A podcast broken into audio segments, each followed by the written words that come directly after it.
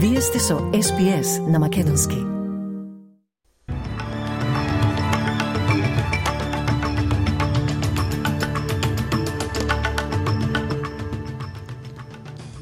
Од денешниот билтен вести издвојуваме. Повици од федералната опозиција, границата на Австралија со Индонезија да биде привремено затворена за борбата против шапот или гавката. Премиерот Ентони Албанези ги открива приоритетите на неговата влада кога парламентот ќе започне со работа следната недела. Продолжија препекување меѓу власти и опозицијата во однос на преговарачката рамка на Европската Унија што се однесува за Македонија. И од спортот, словенецот Тадеј Погачар победи на 17-та етапа од Тур де Франс.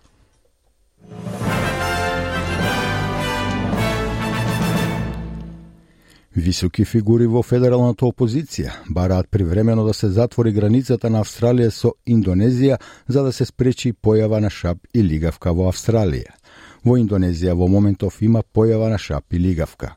Оваа болест не носи никаква закана за луѓето, но може да ја уништи сточарската индустрија, доколку се пренесе во Австралија.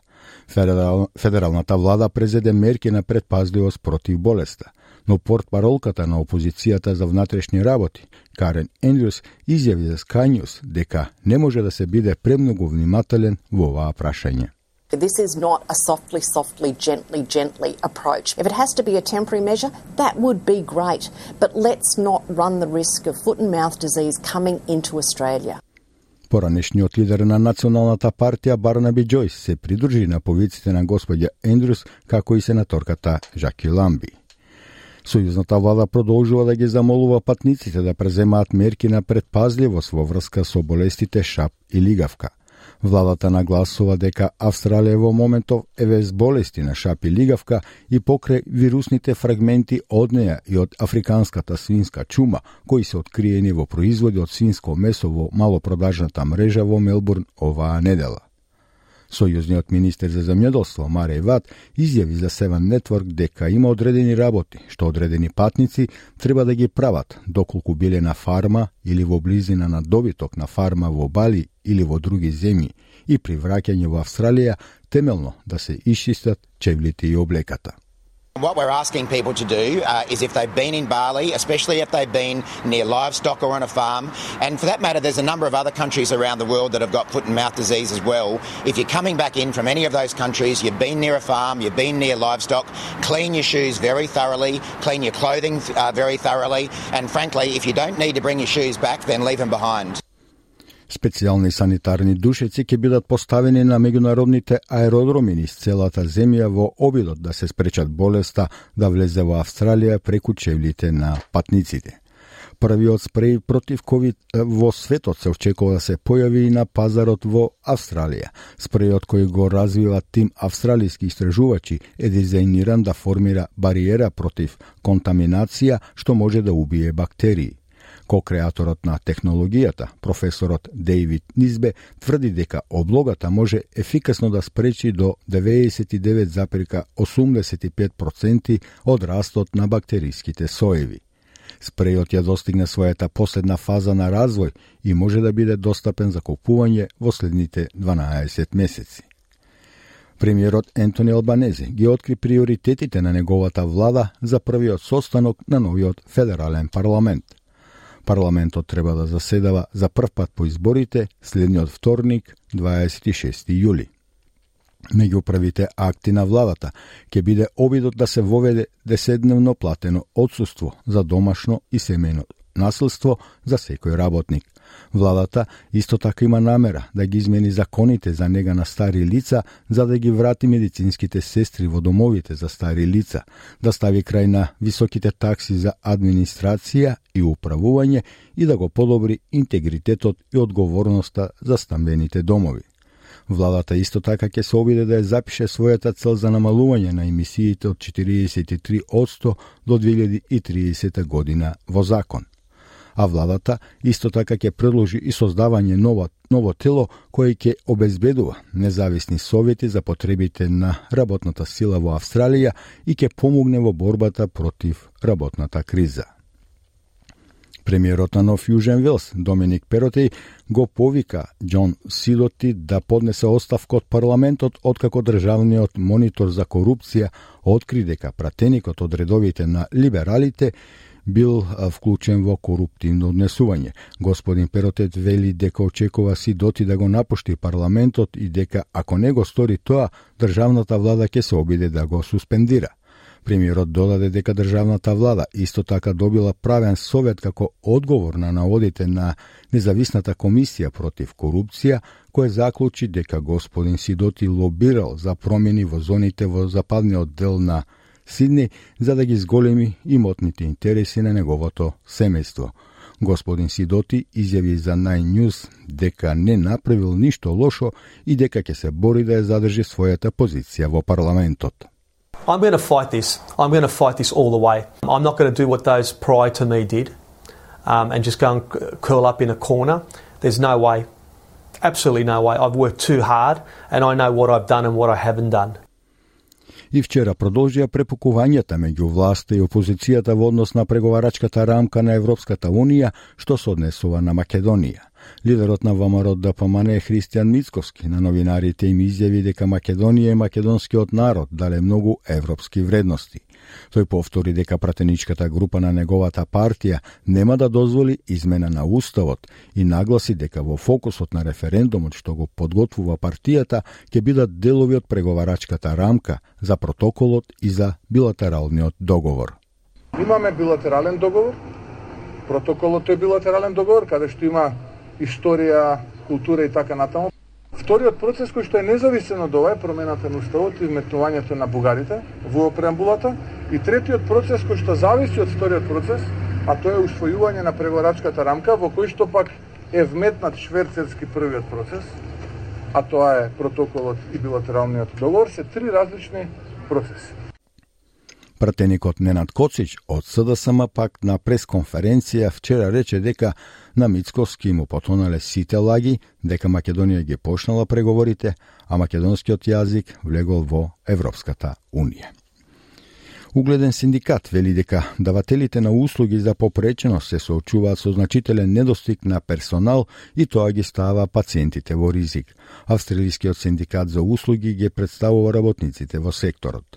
Оттамо тврдат дека слушнале за извештај од персоналот кој бил побаран од нив да го одложи одсуството и да работи прековремено за да се справи со недостигот на персонал. Исто така се посочува дека платеното пандемично одсуство не ги покрива периодите на изолација за работниците за подршка на инвалидитет. Се вели дека кребрежната резиденцијална служба на северозападна Тасманија има потреба од 20 одсто повеќе персонал, а регрутирањето на персонал во регионалната област се покажува како тешко. Мрежата за стари лица и лица со попреченост вели дека федералната влада итно треба да воведе виза за негователи во грижата за стари лица за да ги пополни критичните празнини. Двајца преостанати кандидати да бидат следниот британски премиер почнаа да ги поднесуваат своите програми пред членовите на конзервативната партија.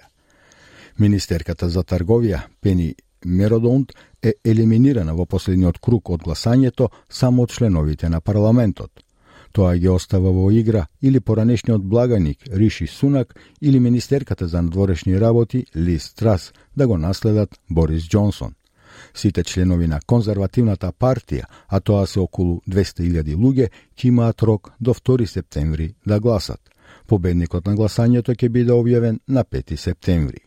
46 годишната господја Трус вели дека ќе води кампања за намалување на даноците и помагање на семејствата кои се борат со секојдневниот живот.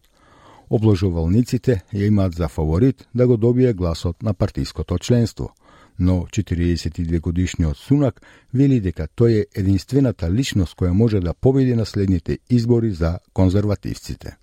The question now for our members is who is the best person to defeat Keir Starmer and the Labour Party at the next election? I believe I'm the only candidate who can do that. And my values are also those of our members. And I've got the experience and the vision to translate those values into a government that delivers for the British people and ensures that this is the best country to live, work, and raise a family anywhere in the world. Новиот председател на Шри-Ланка вели дека се обидува да бара консензус. Парламентот на Шри-Ланка го избра Ранил Викермесинге за нов председател. 73 годишниот Викер Месинге, предходно премиер, беше привремен председател, откако го Табија Раджа Пакса побегна од земјата и поднесе оставка преку електронска пошта по големите протести. Има широко распространето противење за господин Викер Месинге, кој беше назначен и за премиерска и за привремена председателска улога од господин Раджа Пакса. Но тој вели дека се спротиставува на семејството Раджа Пакса, кој владее со Шри-Ланка во поголемиот дел од изминатите следните 20 години и дека сака да ги изближи луѓето. For those who seek to destroy, to threaten democracy, they must then be dealt with the law, by the law. For the others, I would like to bring everyone together so that a national consensus is formed as to the way forward. И од спортот. Вечерба, фудбалерите на Бродмодов Меджик, представник во Северната лига на Северниот регион на Нов Јужен Велс, инако клуб од македонската Зеница, го игра својот надпревар во фудбалскиот куп на Австралија. Гостува во Мелбурн и игра против Бентли Гринс. Средбата започнува во 19 часот и 30 минути а утре во рамките на квалификациите во Европската конференцијска лига, Македонија Ѓорче Петров во Скопје ја пречекува ЦСКА од Софија, додека Шкендија гостува кај Велмеира тим од Летонија. И македонската кошаркарска репрезентација обезбеди учество во четвртфиналето на Европското првенство за кошаркари до 20 години Б дивизија, откако ја совлада Грузија со 76 према 73. А Тадеј Погачар победи на 17-тата етапа на Тур да Тур де Франс. Ова е негова трета етапна победа на овогодинешната трка, но данскиот возач Јонас Винегард го задржува водството во генералниот пласман и има предност со 2 минути и 18 секунди.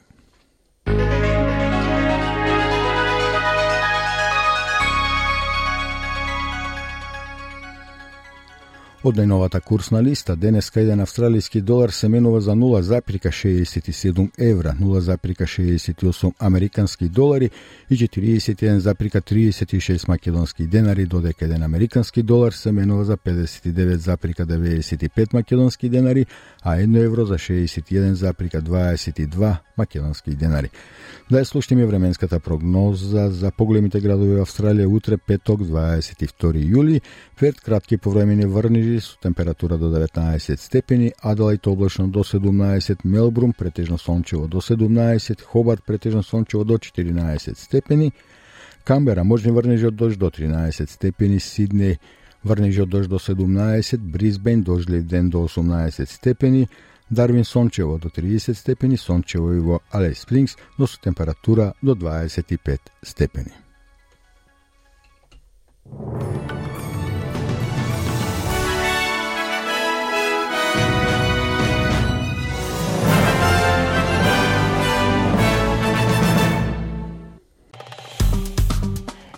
Стиснете, ми се допаѓа, споделете, коментирајте. Следете ја SPS на Македонски на Facebook.